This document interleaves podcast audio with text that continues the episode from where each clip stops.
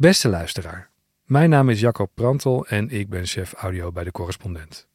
Vandaag wil ik jullie een verhaal voorlezen van Christopher Endrezen. Hij is historicus gespecialiseerd in varkens en schreef een boek over varkens, genaamd Het Varken. En dit is het tweede deel van een drieluik dat we publiceren op het platform van de correspondent. Het gaat erover hoe het lijden van varkens en andere gehouden dieren zich verhoudt tot het eten van vlees. Laten we beginnen. Niemand is getuige geweest van wat er gisteravond in het varkenshuis was gebeurd. Toen Lijf, de varkenshouder waar ik meeloop, vanmorgen binnenkwam, was het er een bloederige bende. Er zat bloed aan een varkensstaart en aan alles waarmee hij in contact was geweest. Het gebeurt vaker wanneer een van de slachtvarkens een beetje te nieuwsgierig wordt naar de staart van broer of zus. Dan hapt het toe. Je kunt natuurlijk nooit weten wat de motivatie is om het te doen, maar als er eenmaal bloed is, krijgen ook de andere varkens de smaak te pakken. Het slachtoffer begint met zijn staart te zwaaien om de potentiële daders van zich af te houden, maar de bewegingen trekken alleen maar meer aandacht. Uiteindelijk rent er een hele meute achter het slachtoffer aan en is er geen ontsnapping meer mogelijk. Hoewel het merendeel van de varkens eruit ziet alsof ze zijn aangepast aan het passieve levens binnenshuis, hebben ze nog veel van de driften uit de tijd dat ze in bossen en moerassen leefden. Dus wat doen varkens als ze binnenhuis op een betonnen vloer leven, op één vierkante meter en het voer een soep is die één keer per dag door de goot wordt gespoeld? Ze bijten elkaar in de staart. Volgens de Noorse Voedsel- en Warenautoriteit is staartbijten een van de meest ernstige en wijdverbreide dierenwelzijnsproblemen in de Noorse varkensindustrie. Het probleem is niet alleen het lijden van het slachtoffer, als het in angst en pijn op een paar vierkante meter wordt rondgejaagd. Het toont in de eerste plaats dat niet alles is zoals het hoort bij de daders. Onder etologen wordt bijten gedefinieerd als destructief gedrag dat wordt veroorzaakt door de omgeving waarin de varkens leven. In die zin wijzen de bloederige staartstompen naar de manier waarop de hele industrie is georganiseerd. Ik probeer een glimp op te vangen van de verwondingen van het slachtoffer, dat nu in de ziekenboeg ligt. Een klein hokje dat afgeschermd is van de andere dieren. Maar het varken ligt met zijn kont tegen de muur, dus ik moet het van lijf horen. Hij zegt: De staart is intact. Amputatie is waarschijnlijk niet nodig.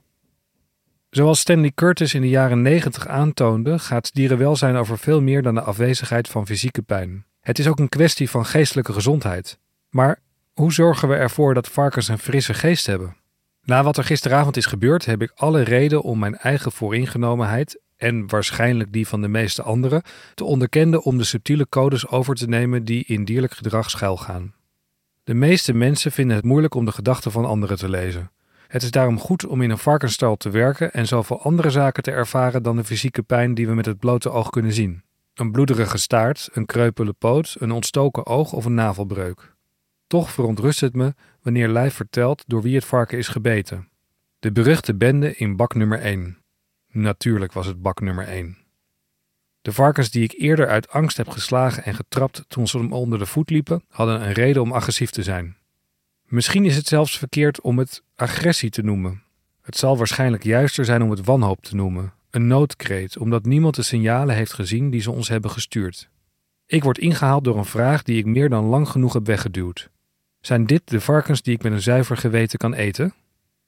Zolang ik lijf op zijn woord kan geloven dat zijn bedrijf tot op de letter de wet volgt, kan ik mezelf in ieder geval geruststellen met het feit dat dit industriële varkens met dierenwelzijn van wereldklasse zijn. Geen enkel land heeft op dit gebied strengere wetgeving dan Noorwegen. Maar wat betekent dit eigenlijk als de dieren nog steeds lijden? Om de toestand in een enkele bak niet als voorbeeld te beschouwen voor hoe alle dieren het hier doen, moet worden benadrukt dat de omstandigheden in de andere bakken over het algemeen worden gekenmerkt door rust en reinheid, zonder tekenen van agressie of wanhoop als je wilt. Sommige dieren raken natuurlijk gewond, net zoals wilde dieren gewond raken. Maar in plaats van dat de varkens te lang doorlopen met fysieke kwalen totdat ze zo verzwakt zijn dat ze uithongeren, of worden gegrepen door een roofdier dat hun lichaam aan stukken scheurt, terwijl het hart nog steeds klopt en het bij bewustzijn is, worden ze zogenaamd humaan gedood of krijgen medische hulp en herstellen. In de natuur is lijden zo fundamenteel voor het leven dat het concept bijna aan betekenis verliest. Voor een moderne westeling kan dit moeilijk te verteren zijn, omdat we er bijna in zijn geslaagd het lijden te elimineren. Wij hebben misschien kortdurende pijn of pijntjes, maar het brute, langdurige lijden is nagenoeg verdwenen. In plaats daarvan is er een leegte ontstaan die is gevuld met nieuwe, meer vage concepten, gevoed door het pijnloze leven. Zo kunnen we ongemak of onrust ervaren, ons ongemakkelijk voelen of onwel zijn. Maar zelfs dit zijn toestanden die bij voorkeur uitgebannen dienen te worden. Zo zijn we op het punt gekomen dat velen van ons zelden tevreden zijn totdat we een bijna perfecte ervaring van welzijn hebben opgebouwd. In veel gevallen zal dit een volkomen onnatuurlijke of gekunstelde toestand zijn, voortgebracht door moderne uitvindingen uit de medische wereld en de farmaceutische industrie. In de tussentijd heeft de wetenschap dat het lijden nog steeds bestaat ervoor gezorgd dat dit is gegroeid en een monster in onze hoofden heeft gebaard. Met de angst voor lijden en het nastreven van welzijn ontmoeten we de dieren. Hoe toepasselijk is dat? Hoewel varkens emoties en een basale vorm van denken hebben, is er weinig reden om aan te nemen dat ze een conceptueel kader hebben dat de condities, zoals lijden en welzijn, kan definiëren. Een varken kan vreselijke pijn hebben, ondraaglijke pijn zo je wilt, en in dergelijke gevallen kan het maar beter sterven. Maar als het varken rustig lijdt, een beetje mank loopt of niet voldoende gestimuleerd wordt, zal het niet in staat zijn om te verlangen naar een ander, pijnvrij of gelukkiger leven. Het zal lijden en waarschijnlijk aan de aandoening wennen op een manier die misschien moeilijk te bevatten is voor een denkende, welzijnszoekende soort zoals wij. Neem als voorbeeld tinnitus bij mensen. Tinnitus is zelden een lichamelijke pijn, maar een vervelend zuizen van het oor dat nooit weggaat en waar de huistuin- en keukenmedicijnen niets aan kunnen doen. Tinnitus kan in verschillende gradaties toeslaan, maar als twee mensen erdoor worden getroffen en de een het kan hanteren terwijl de andere eraan onderdoor gaat, kan dit te wijten zijn aan één enkele factor, namelijk hoe graag de getroffen mensen willen terugkeren naar het leven zonder tinnitus. De succesvolste behandeling van tinnitus is daarom cognitieve therapie, waarbij de patiënt wordt getraind om met het geluid te leven door onder andere de kunst te leren van het er niet vanaf willen zijn. Op deze manier benaderen de patiënten het op een dierlijke manier, omdat ze het idee vergeten van het andere, tinnitusvrije bestaan. In een aantal gevallen leidt de behandeling ertoe dat de patiënt het geluid helemaal niet meer als hinderlijk ervaart. Mocht je twijfelen, dit is geen verdediging van dierenmishandeling. Het is een poging om te benaderen waar we het over hebben als we praten over het lijden bij een varken. De varkens in bak nummer 1 hebben voor zover ik weet geen last van oorsuizen. Op basis van het staartbijten kunnen we zeggen dat ze zogenaamd destructief gedrag uitdrukken, wat een extern symptoom kan zijn dat er iets onderliggend mis is. Maar is destructief gedrag bij een varken een uitdrukking van het daadwerkelijk lijden van het dier? Om een ander voorbeeld te gebruiken, min of meer uit de lucht gegrepen. Voor sommige kinderen en jonge mensen met veel energie en weinig impulscontrole is het een grote uitdaging om stil te zitten en zich te concentreren op iets waar ze aanvankelijk niet in geïnteresseerd zijn. Ze hebben misschien grote moeite met het volgen van een gewone, ouderwetse zo je wilt, klassikale instructie zonder enige vorm van facilitering of medicatie. In karikaturale versies zullen ze dan aan de TL-buizen in het plafond hangen, vallen ze in het tafelblad krassen met de passerpunt of op andere manieren alle plannen die de leraar had voor de les saboteren. Dit kan een voorbeeld zijn van wat een leraar zou omschrijven als destructief gedrag. In deze gevallen is het duidelijk dat de leerling lijdt, in die zin dat hij geen uitlaatklep heeft voor zijn natuurlijke behoeften, zoals het uitoefenen van een of andere vorm van zinvolle lichamelijke expressie. Maar is het juist om te zeggen dat de jongen die aan het plafond hangt een subjectieve ervaring van lijden heeft op de momenten dat hij losstaat van alle gedachten en ideeën over wat hij werkelijk wil doen? Dat wil zeggen op de momenten dat hij alleen in het nu is, zoals de toestand waarin een varken zich altijd bevindt? Dat is natuurlijk niet gezegd. Daarom is het niet vanzelfsprekend dat waar we het over hebben als we praten over het lijden bij een varken, altijd zo erg is als het op het eerste gezicht mag klinken. Om niet te cynisch te zijn, wanneer we twee invloedrijke denkers van onze tijd, de Australische filosoof Peter Singer en de Israëlische historicus Yuval Noah Harari, geloven dat de behandeling van gedomesticeerde huisdieren de grootste misdaad in de menselijke geschiedenis is, hoeven we het niet met hen eens te zijn. Tegelijkertijd is er alle reden om aan te nemen dat ze een punt hebben.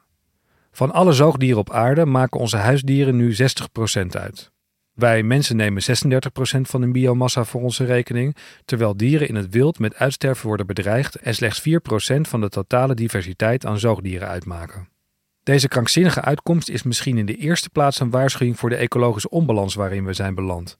Maar om het dierenwelzijn voorop te stellen, Zolang we weten dat onze huisdieren gevoelige wezens zijn en de overgrote meerderheid van deze dieren in een toestand leeft die gezien de Noorse omstandigheden doet denken aan een oude romantische boerendroom, is het moeilijk om niet in te zien dat waar de mensheid mee bezig is, moreel twijfelachtig is. Hoeveel je ook kunt flirten met het idee dat huisdieren het beter kunnen hebben dan wilde dieren, er is één cruciaal verschil. De dieren in de natuur vallen buiten onze verantwoordelijkheid, de huisdieren niet. Zolang het bestaan van een dier alleen afhangt van hoe we het behandelen, zal het een natuurlijke conclusie zijn dat we een morele verplichting zijn aangegaan om er zo goed mogelijk voor te zorgen. Maar dat doen wij niet. Niet in de wereld en ook niet in de conventionele varkensindustrie in Noorwegen. Zoals Lijf meerdere keren heeft opgemerkt toen ik in de varkensstal was. Hij zegt: De dieren moeten gezond zijn, maar ik moet er ook mijn boterham mee verdienen. De grenzen aan het dierenwelzijn hangen af van de betaalbaarheid van de voorzieningen die de omstandigheden verbeteren. Met andere woorden, Lijf gelooft dat een wereld waarin alle varkens leven zoals scharrelvarkens, dat wil zeggen een duurdere vorm van bedrijfsvoering waarbij de dieren hun natuurlijke activiteiten in grotere mate mogen ontwikkelen, niet in staat zal zijn om hem voldoende op te leveren. Hij heeft natuurlijk volkomen gelijk als dit niet tegelijkertijd betekent dat hij goed wordt betaald voor de dieren die hij naar de slag stuurt. We moeten aannemen dat dit wel het geval is. Of niet.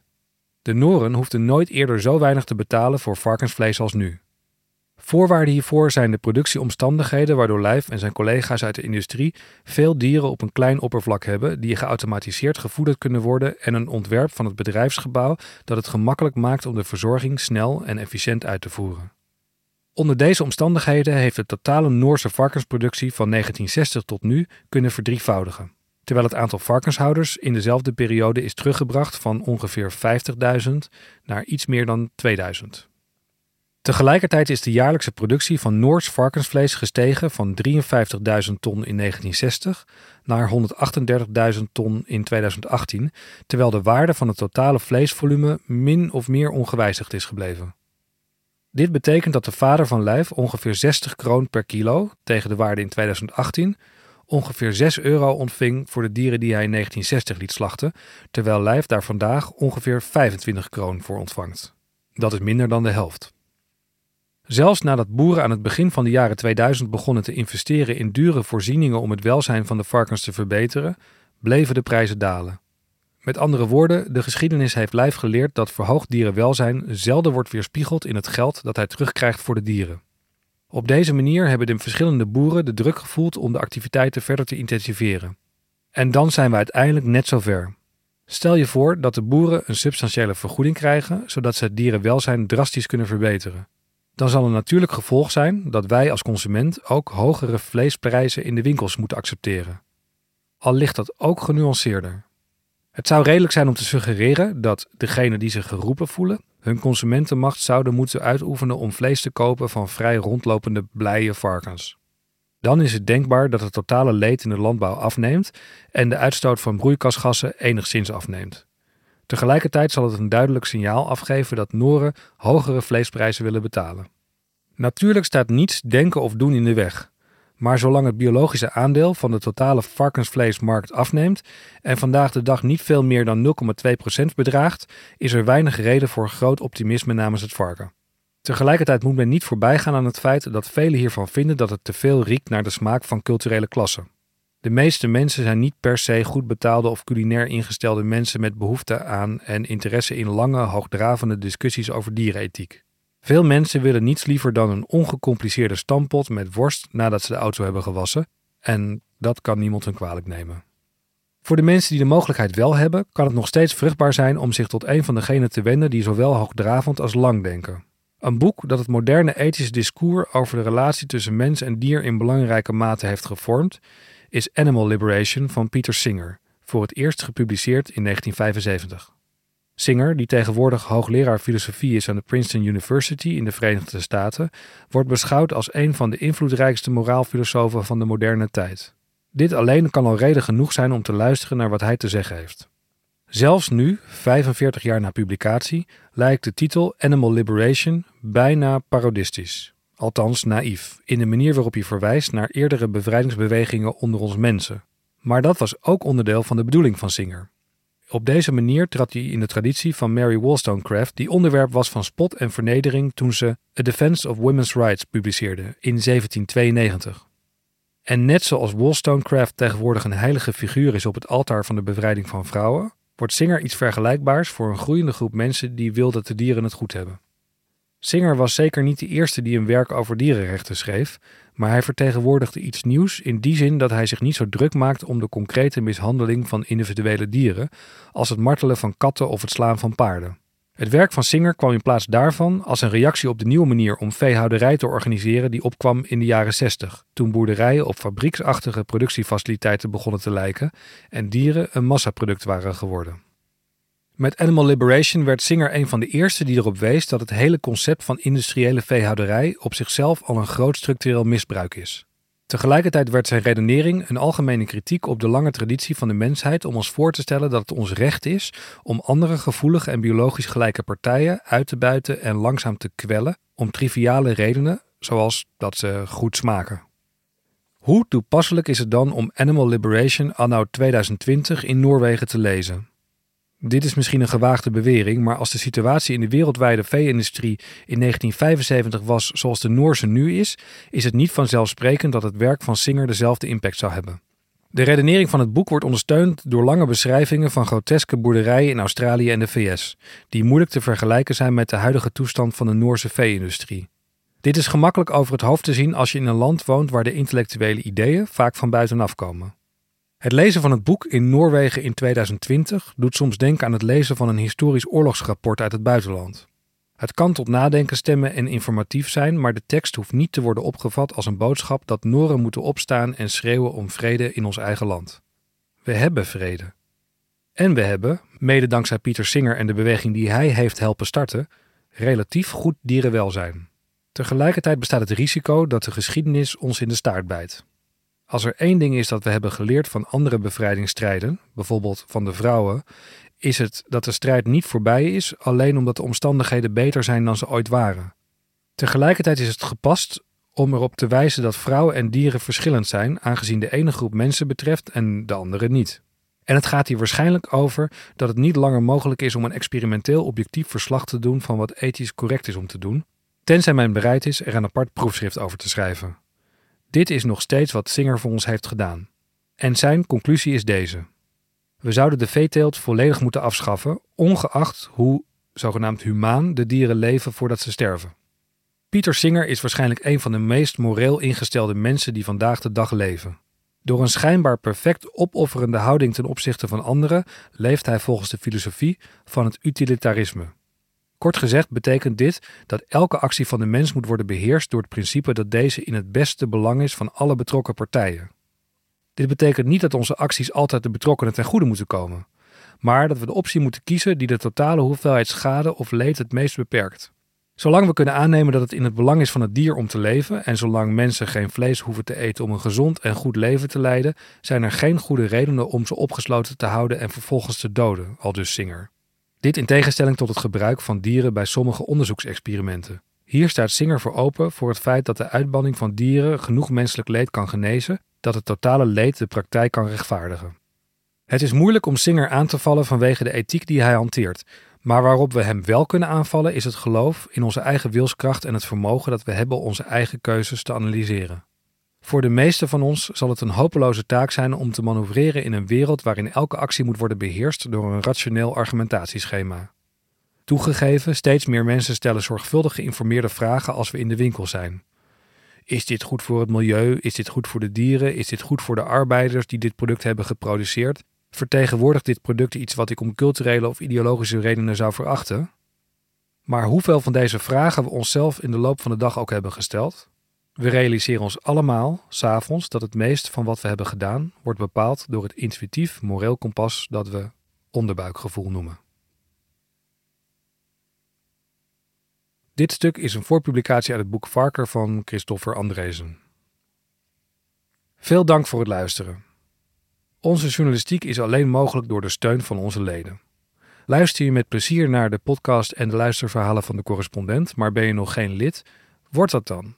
Ga naar decorrespondent.nl/slash wordlid. Heel veel dank.